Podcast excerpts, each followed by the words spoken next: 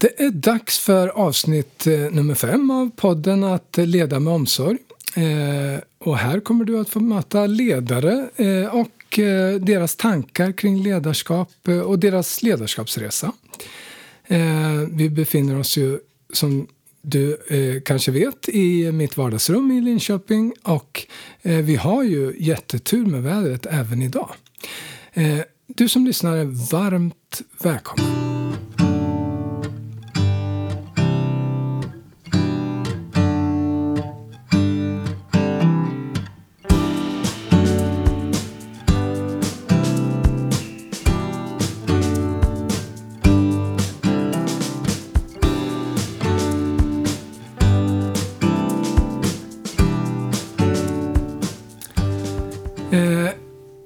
Säger varmt välkommen till dig, Stefan Arbratt. Tack så mycket. Du har ju eh, kommit hela vägen från Göteborg. Det stämmer. Ja. Gick bilresan bra? Den gick alldeles utmärkt. Det var lite segt mellan Jönköping och Linköping. Ja. Det var lite väl mycket motorväg för... Det gick bra att köra på, men ja. lite, lite segt. Ja, det är som sagt var inte världens sexigaste eh, vägsträcka E4, men... Eh, Nej, det kommer den nog inte utses till tror jag. Men man kommer fram i alla fall. Precis, det gjorde jag. Vad kul att ha dig här. Tack så mycket. Eh, vi har ju eh, fått kontakt, så många människor idag får kontakt med varandra så via nätet. Mm. Eh, via LinkedIn. Yes, stämmer. Eh, jag ställde ju en fråga på LinkedIn för ett tag sedan. Sådär. Eh, och det var helt stendött alltså, där ute. Det var en fråga kring eh, att skriva och få ner sina tankar i ord. Aha. Ingen svarade, men du svarade. Ja, just det. Det stämmer. Ja. Det hade jag nästan glömt bort faktiskt. Ja, men det, det? det stämmer ju. Eh, och du var intresserad och du eh, bjöd på, på din kunskap. Så helt mm. förutsättningslöst, så tack för det. Eh, och då blev jag intresserad och nyfiken av eh, vem är Stefan Arbratt? Mm. Eh, från början visste jag inte så mycket om det. Jag, tänkte, jag visste att du är författare. Yes. Du har skrivit en bok nu precis som heter Från tomgång till framgång. Eh, och att du är ledarskapskonsult. Stämmer. Det är faktiskt min andra bok till och med om jag ska vara petnoga. Okay. För det är efter andra boken man får kalla sig uh-huh. författare egentligen. Uh-huh. Så det här är min andra bok som nu kom ut då för ja, en dryg månad sedan. Vi är ju uh-huh. snart i slutet på maj här. Men, men jag tror inte att du hade varit här bara för att få promota din bok, för det känns ju lite... För, men det ska vi också göra. Men, men det som var, eh, gjorde det extra relevant var ju att jag fick reda på att du har jobbat som enhetschef inom Göteborgs stad. Ja. Och, och, det är det som är själva tanken med den här podden, att eh, mm. bjuda in ledare eh, och, och, människor med ledarskapserfarenhet inom mm. vård och omsorg. Eh, ja, det stämmer. Jag har jobbat som enhetschef i, vad blev det, sju, åtta år innan jag nu mm. eh, slutade i, i, strax innan årsskiftet här då. Mm. För att köra helt eget och fortsätta bidra med de uh, vad ska jag säga, kunskaper och mm. erfarenheter som jag har skaffat mig genom åren och som jag även satt ord på i de här böckerna då. Mm. Men är de inte förbannade i Göteborgs stad nu på att du tar med dig eh, Stefan och, och, all din kunskap och de har inte fått ta del av det? det vet jag faktiskt inte. Det är en ganska, ganska bra fråga. Men eh, Nej, det tror jag faktiskt inte att de är. Mm. Jag, jag, tänker väl att nu kommer det förhoppningsvis mm, ännu fler till eh, gagn och nytta. Att jag får mm. träffa fler enhetschefer, fler mm. människor som jobbar inom vård och omsorg. Kan det vara så att det, är först ibland när man flyttar ut eh, från sin organisation som organisationen ser vad man har att erbjuda? Kan det vara så ibland? Ja, det så skulle man kunna säga det. Eh, jag tänker väl kanske att eller hur tänkte du då? Nej, men, eh, alltså, när du har varit eh, enhetschef så kanske ja. du inte fullt ut har kunnat blomma ut i, alla din, i all din kunskap och dina resurser. För du har ju haft ett riktat uppdrag med det. Eh, men nu när du flyttar ut så har du både den här erfarenheten som ja. enhetschef. Men du har också annan kunskap som du, som du säger själv kan komma andra till gagn. Nej, men, men det stämmer ju någonstans. Då är jag helt med på vad du menar. Alltså, du, du kan inte helt ta ut svängarna som anställd och Eh, jag har ju haft det här som bisyssla i många år, eh, stöttat enhetschefer, varit ute och föreläst och så. Men, det, men du har ju ändå en, ett, vad säger, ett regelverk på hemmaplan i din organisation, i din anställning, som du måste förhålla dig till. Mm. Nu känner jag ju liksom att Uh, nu är jag ju betydligt friare. Uh, nu kan jag ju ta ut svängarna mycket mer. Och det gör det ju också lättare när jag är ute och pratar med eh, personalgrupper eller enhetschefer eller socialsekreterare. Att man kan Mm. närma sig dem på ett annat sätt. Jag, jag kan ju på något sätt prata deras språk. Mm. Eh, Det är väl det som... Ja, Jag, jag tycker det är väldigt roligt också. Ja, precis. Och, och det var det jag tänkte att vi hade, som vi pratade lite innan, att vi har den ska Mm. säga, eh, likheten, att vi bottnar i en eh, gedigen eh, erfarenhet från våra respektive roller. Du som chef, Yes. ledare, eh, och jag som medarbetare. Det, det i sig är också en, en jättespännande koppling. Eh, att just vi sitter här. Mm. Och det, det, det, du säger det, det är väl det som, utan att komma in att det blir promotion för det heller, men att när vi, när jag är ute och pratar eller föreläser och håller seminarium så märker jag ju att, att det som nästan är mest uppskattat, det är ju inte om man står och pratar för min del om massa teori eller olika färdiga paket som skulle finnas, utan det är ju att, att människor har ett väldigt stort behov av att få prata och bli lyssnade på, för det hinns inte med hemma i, i, i vardagen som enhetschef, eller det uppdraget du har. Mm. Jag tror säkert att du också säkert stöter på det i... Jo, men eh, absolut. Jag känner igen den, den, det behovet eh, när jag möter ledare och chefer också. Mm. Absolut. Och det, jag kan tänka medarbetare också kanske, du jobbar ju väldigt, väldigt mycket Absolut med... medarbetare också. Mm. Definitivt, så det är ju båda delarna där. Men jag tänkte, eh, den här skriv... eh, grejen då, var det en klåda som du satt hemma då och skrev lite smått redan när du jobbade? Eller eh, kom du på att nu ska jag skriva och helt plötsligt märkte du att du var bra på det? Eller? Alltså jag, vet, jag har väl alltid gillat att skriva någonstans. Ja. Eh, Jag var ju aldrig bäst, om man säger så, om man tar ett jätteskutt bakåt, så var jag väl aldrig bäst i klassen på att skriva tror jag.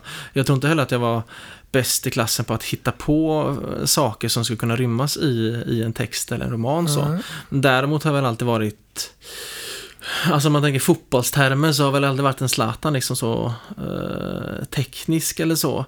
Men jag har varit väldigt ihågen tror jag. Alltså Ja. jag gillar att liksom vara med, slugga mig fram. Lite, alltså om man tänker fotbollsspelare då så kanske, i och med att jag kommer från, eller bor i Göteborg. Mm. Alltså mm. de här gnuggarna lite så. ja, Håkan det. Mild, Ja, som orkar springa, orkar kämpa och slita. Till slut ger det ju faktiskt utdelning. De blir, Håkan Mild är ju också Zlatan proffs. skulle ju inte komma fram om inte ni fanns. Nej, och han, han eh, sen, alltså om man, om man tänker liksom, eh, jag ska inte göra den utläggningen för lång, men i. Zlatans fall är det också så att vi ska ju använda honom på rätt sätt. Ja, vi ska ju inte det, tvinga ha en som väger nästan 100 kilo och springa Ja. hem och täcka ytor, för det kommer ju inte han orka om han ska vara vass framåt sen. Men kan det vara så att Zlatan, om vi använder den Ja. eh, metaforen nu, det är de enhetschefer som du kommer att träffa sen. Du är där för att hjälpa Mm. enhetschefen slash Zlatan fram. I det här fallet chefen att, att skapa ett forum för dem att växa, att bli sina bästa jag i sitt ledarskap. Är det det?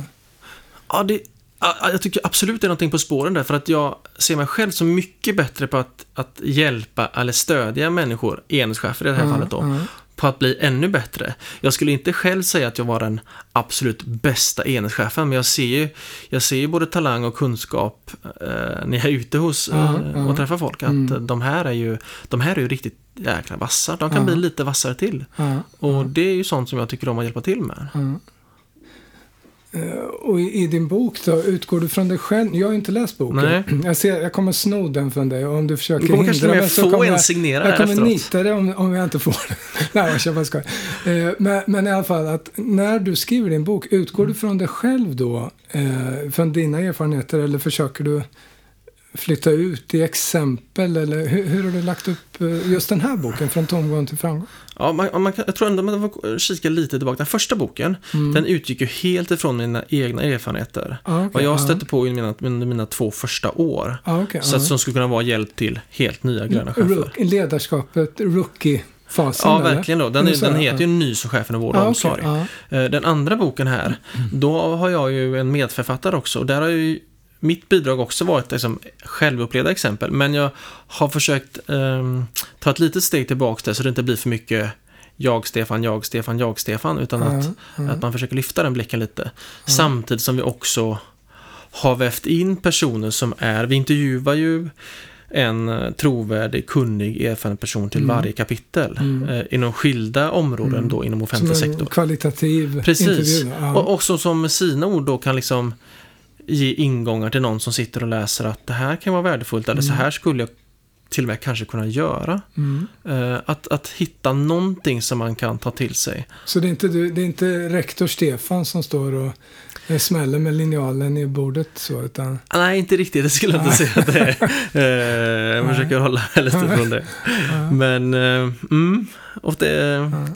Ja. Men är det, är det som eh, med artister som ger ut skivor att första boken, eh, det, alltså första skivan, första boken, där presenterar man sig, utgår från där du var precis just då. Andra boken, du börjar få upp farten, mer och mer folk Mm. blir intresserade, som jag till exempel. Eh, och sen tredje boken, är det då du eh, blir en, en rocket som far iväg eller? Alltså, jag har funderat lite på det. Man får, men det är ju tillåtet att drömma. Ja. Eh, nu kommer i och för sig folk höra om de drömmarna, men Ja. att, eh, så lite så är det ju. Ja. Att eh, första boken, nu är man ju, med andra boken här så känner jag ju också att man blir lite mer erkänd, man får lite högre trovärdighet själv också. Mm. Eh, och du sen, bottnar sen, kanske mer själv i, i det Ja. också eller? det gör man väl.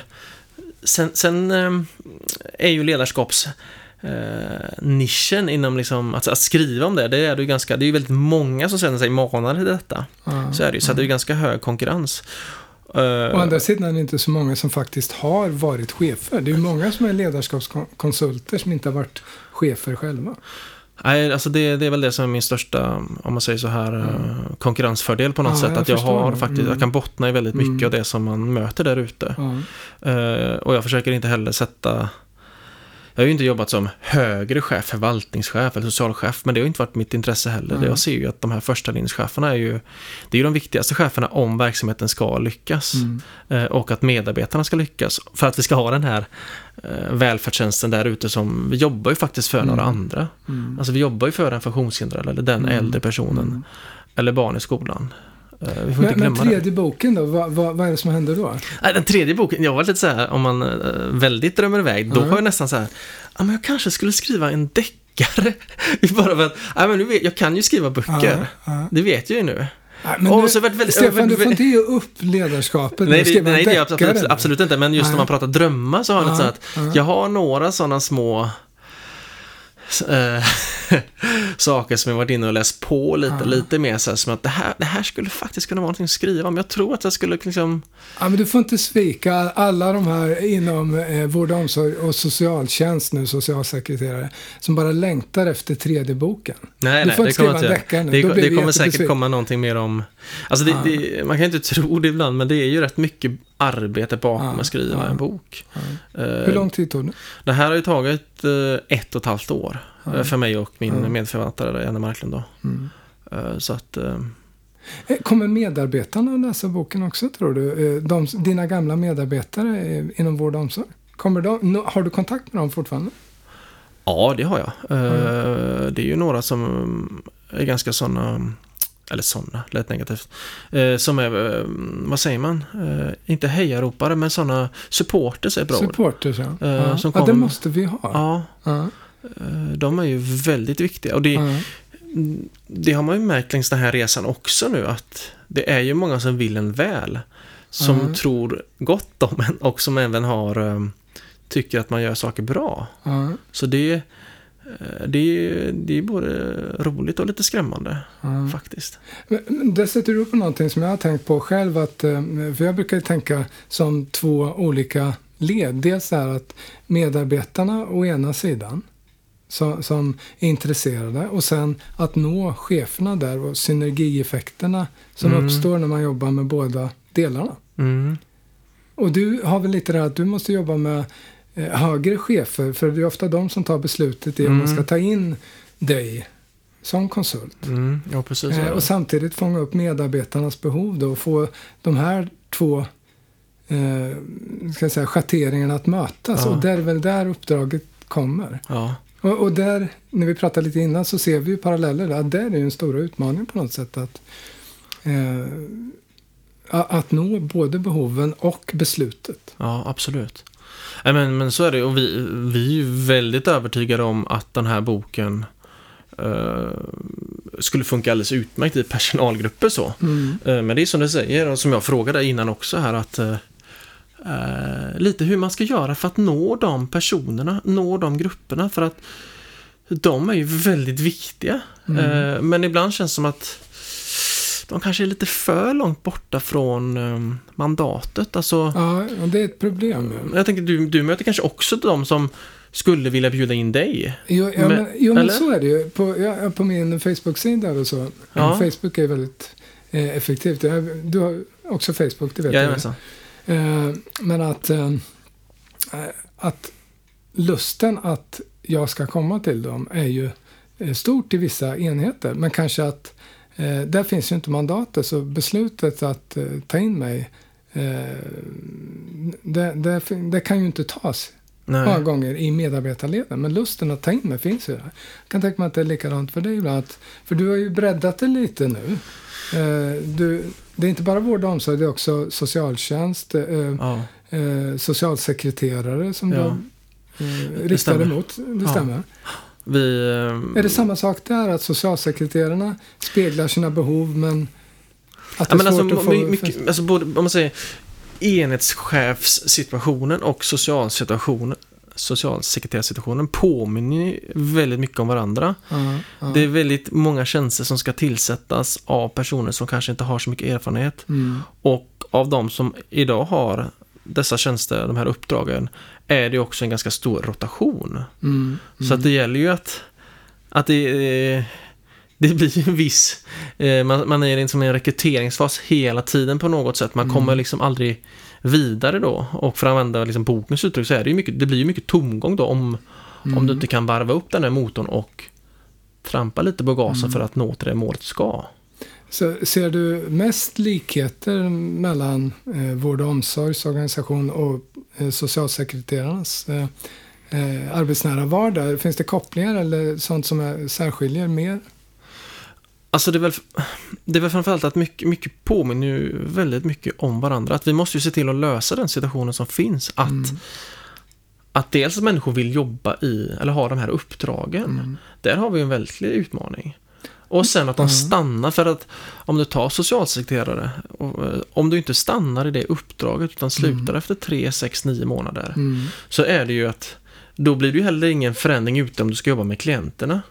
Eh, Om de ska bryta ett utanförskap, lämna försörjningsstöd Ja, för, för att få ett lönearbete. Mm. Eller vad det nu kan vara, bryta ett missbruk. Mm. Eh, om man inte är långvarig där. Ja, och, och det är ju sådana frågor som vi har vi har nästan fått fler sådana frågor från socialtjänsten, jag och min kollega då, om att eh, hur skulle ni kunna hjälpa till att socialsekreterare stannar lite längre? Man stannar inte att säga att de stannar jättelänge, utan det är kan inte livstidskontraktet de Nej, nej, utan hur, Nej. hur skulle de kunna stanna kanske tre månader, Ja, sex månader till? Ja, Vad finns det för faktorer Så som... det, så, det gör så pass stor skillnad alltså? Ja, det gör det ju. Ja. För annars, annars är det ju på ruta ett hela tiden Ja, att rekrytera. Ja, just det. Eh, Börja om hela ja, tiden med in, vi- ingångsfasen. Precis. Eh, Så, så vad, vad, vad tänker du när, när någon hör av sig från socialtjänsten nu, du ska gå in. mm.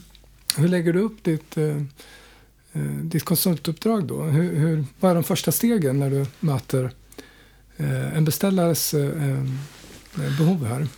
Ja, det, första är att verkligen lyssna in. Alltså det, det, jag tror att eh, så att man på något sätt varje gång, jag tror att det är A och O, på något sätt kan skräddarsy det som uppdraget faktiskt handlar om. Ah, Okej, du tar- så du går inte in bara och kör över det? Jag har min fyrkant här, Nej, vi har, eller jag har Nej. absolut ingen sån färdig mall Nej. ett dag. Nu Nej. här är lösningen. Jag tycker det är lite respektlöst på något sätt för att det, det finns ju saker som faktiskt fungerar ute i verksamheterna. Det gäller ju att identifiera dem och spåra Mm. upp dem. Mm.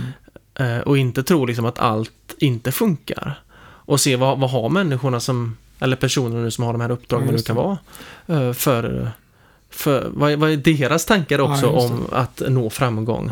Ja. De vet ju oftast att när de lyckas, men jag tror vi väldigt sällan frågar både chefer och medarbetare när är vi bra och vad gör vi bra? Mm.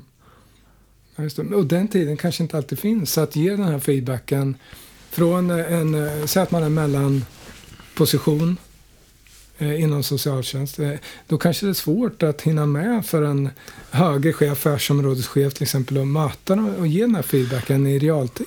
Ja, men du kan ju ta medarbetarenkäten som exempel. Den kommer Ja. oftast årligen i, i de flesta organisationer, Ja. både offentliga och Mm. privata. Mm. Vad är det för återkoppling första linjens chef får där? Mm. Får den återkoppling på det som har fungerat bra och att den ska gå tillbaks och fortsätta jobba mer med det? Mm. Eller får den tillbaks, här har du tre identifierade problemområden som du måste Mm. jobba med gruppen som måste bli bättre. Det här funkar inte, vi misslyckas varje Utifrån gång. ditt individperspektiv. Ja, va? precis. Det. För det är så Mm. jag är van att få dem att här har du medarbetarenkäten, du ska gå tillbaks på ett APT och ta upp de här sakerna, Mm. eh, varför det inte har fungerat. Och då går du tillbaks och då, indirekt så blir det ju så, du säger till, Mm. till gruppen då att det här fungerar inte. Mm. Det här är inte bra. Mm. Vad beror det på? Mm. Och du tränar ju dina medarbetare i problemfokus Mm. istället för lösningsfokus. Och det är ju det som vi strävar efter hela tiden i boken, att försöka vända på perspektivet. Det är ingen liksom rocket science eller liksom vi är först i världen på det. Mm, Men det, mm. det, är ju, det är ju som vilken annan träning som helst. Du måste liksom Mm. vara ihärdig, Mm. annars tappar du det. Absolut. Och, och Mm. själva signalen, om du är helt, om du då Johan är helt Mm. ny på ditt uppdrag som enhetschef eller socialsekreterare. Och så får du reda på vad som inte fungerar. Ja, jag, tror inte att det, jag tror inte du liksom stärker ska det. Att du, att du blir såhär, wow vad kul det är att gå till jobbet imorgon Nej, eller att se fram emot det här mötet nu plötsligt. Ja, men det känner jag igen också som coach. Jag minns ju när jag tog mina första stapplande steg som coach. Mm. Eh, hur jag tänkte, eh, just det här som du var inne på, att, att inte ha mallen, för den, den är ju inte anpassad efter individerna. Att, Nej. då körde jag en mall, positiva coachen. Vet du. Så här, "Oho, nu kommer jag här, nu ska vi tänka positivt. Va? Mm. Så. Eh, och, och ofta så fanns det många som hade behov av att prata om, om problemen men också om lösningar och så vidare. Eh, och det missar man ju om man går in med en mall och eh, någon slags teoretisk modell som alla ska förhålla sig till. Mm. Eh, men det var ju först när jag upptäckte det, att, eh, att, att möta människor man, där de är. Lyssna, ta del av det, sätta ord kanske på det som de inte har fått sätta ord på förut. Det är ju då coachingen börjar på något sätt. Mm. Och det är också, misstänka eh, och tror att, att eh, det är som du också har upptäckt. Jo, men jag känner Att absolut... lyssna, ta in, vara aktiv lyssnare. eh, Att eh, eh, ge feedbacken på det vi hör. Ja, Bekräfta, se och höra. Bara där eh, ligger en otrolig kraft. Ju. ja. Precis. Nej, men, men det- om man backar lite till den, den grundfrågan här kanske också. Det är ju lite att förutom lyssna så är det också att du får ju ta reda på saker. Mm. Eh, vi, eh, när vi har jobbat med boken exempelvis, så har vi ju Mm. tagit reda på väldigt mycket saker. Mm. Och det är ju så som jag fortsätter jobba också. Mm. att Innan man går in i ett uppdrag så vill jag ju ta reda på lite mer, Mm. lite mer fakta. Ta reda, finns det någonting, någon forskning, någon studie Mm. som säger någonting? Mm. Eller exempelvis eh, de fackliga. Vad säger de fackliga om det här? Mm. Den här utmaningen, vad ser de för lösning? Mm. Och sen också då vad beställaren själv eh, eh, är på jakt efter. Ja, precis. Jag, jag tänkte, så vi inte missar det i, i, i det här avsnittet av podden. Nu är det snart sommar. Ja, Eh, jag är övertygad om att flera eh, eh, socialsekreterare och chefer och andra och vård och omsorgschefer och medarbetare sitter och lyssnar nu. De vill ju ha med sig någonting också. Tror du inte det? De vill ha med sig någonting in i sommar. En del kommer må skit i sommar. Andra Ja. kommer att kunna släppa jobbet, komma in och tänka att nu när vi börjar i, i augusti så har jag energi. Andra känner att de inte har det. V- vad kan vi säga till dem nu? Va vad tänker du att vi skulle kunna skicka med dem nu över sommaren? Att reflektera över att försöka må lite bättre inför utmaningarna som kommer i, i, i höst.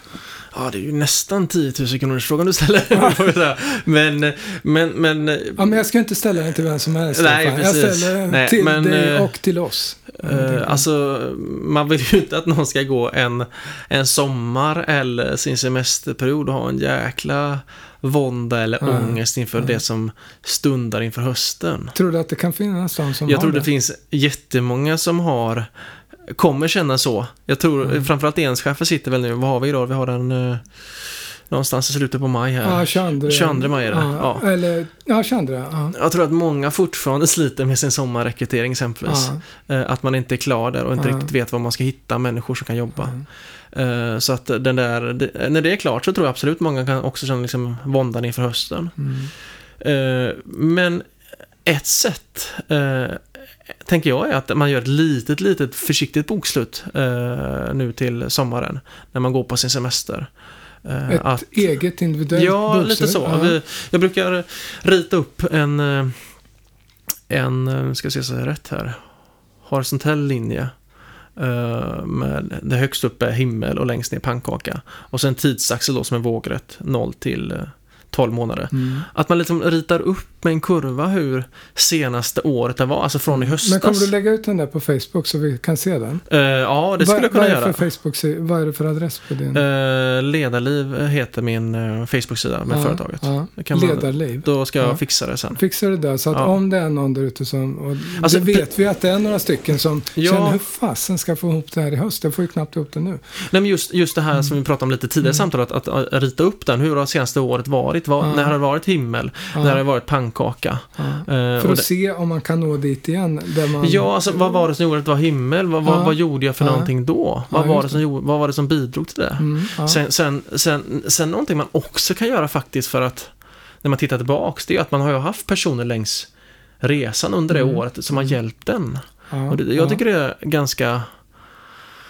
Jag har själv fått det vid några tillfällen, så jag har tagit med mig det liksom som ett verktyg, Ja, så det här ja. sprida tacket. Att titta tillbaks och se ja. vilka skulle jag kunna ringa eller mejla nu. Tack för senaste året, du har bidragit till detta. För det, det kan också stärka en att jag har ju faktiskt personer i min närhet som bryr sig, Ja. bryr sig om mig i mitt, i mitt uppdrag som enhetschef, medarbetare eller socialsekreterare.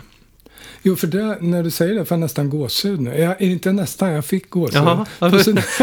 Jag tänkte, för jag möter många eh, chefer och medarbetare också som inte vågar be om hjälp. Nej. För man vill inte visa att man inte orkar eller räcker till eller inte Nej. duger till. Liksom att det, speciellt kanske att vara chef och inte känna att man klarar av det riktigt. Det är lite skambelagt så.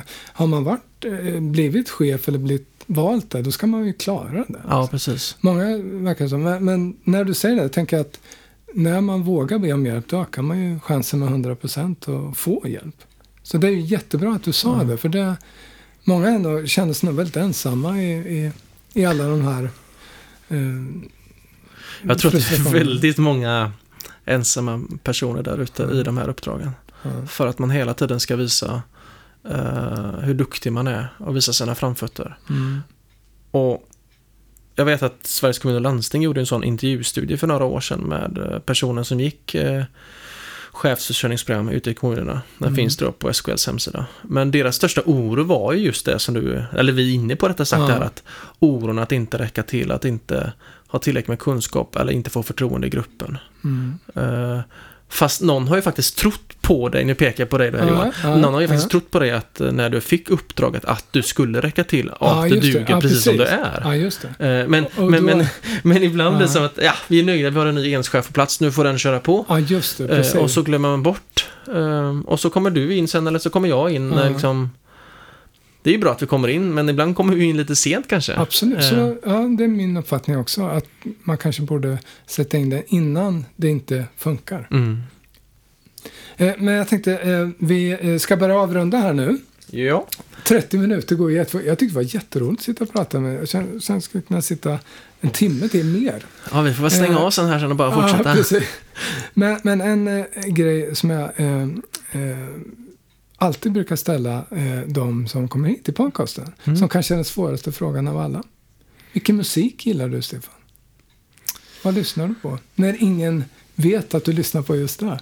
Kopplar du bort Spotify den här eh, eh, så folk kan se Ja, jag, jag brukar köra bort det ibland. Nej, men om jag, om jag tänker så, då, då, då, då lyssnar jag en del på, nu sist jag snöat in lite på Sven-Ingvars. Ja. Eh, för- Dansband, ja. Ja, Ja. det- faktiskt. Men eh, eh, annars så brukar jag ligga, lite lågt sådär faktiskt Ja. med dansband. Eh, Men, men eh, texterna är ganska bra egentligen. De Ja, har lite precis. oförtjänt dåligt rykte. Ja.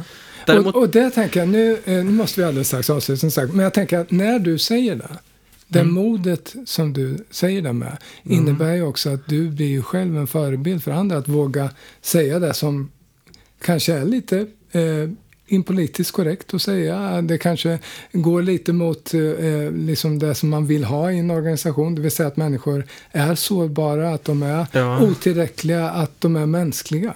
Genom att du vågar säga att du gillar dansbandsmusik så. Men, Eh, men jag skulle ändå vilja lägga till där att eh, jag är väldigt stor nörd i stort sett på, på Ulf Lundell. Just Ja. eh, för att oavsett om man tycker, han är lite som Zlatan på något sätt, liksom, Ja. oavsett man, man väcker känslor. ja, Och just att, att ha gått sin egen väg Mm. hela tiden.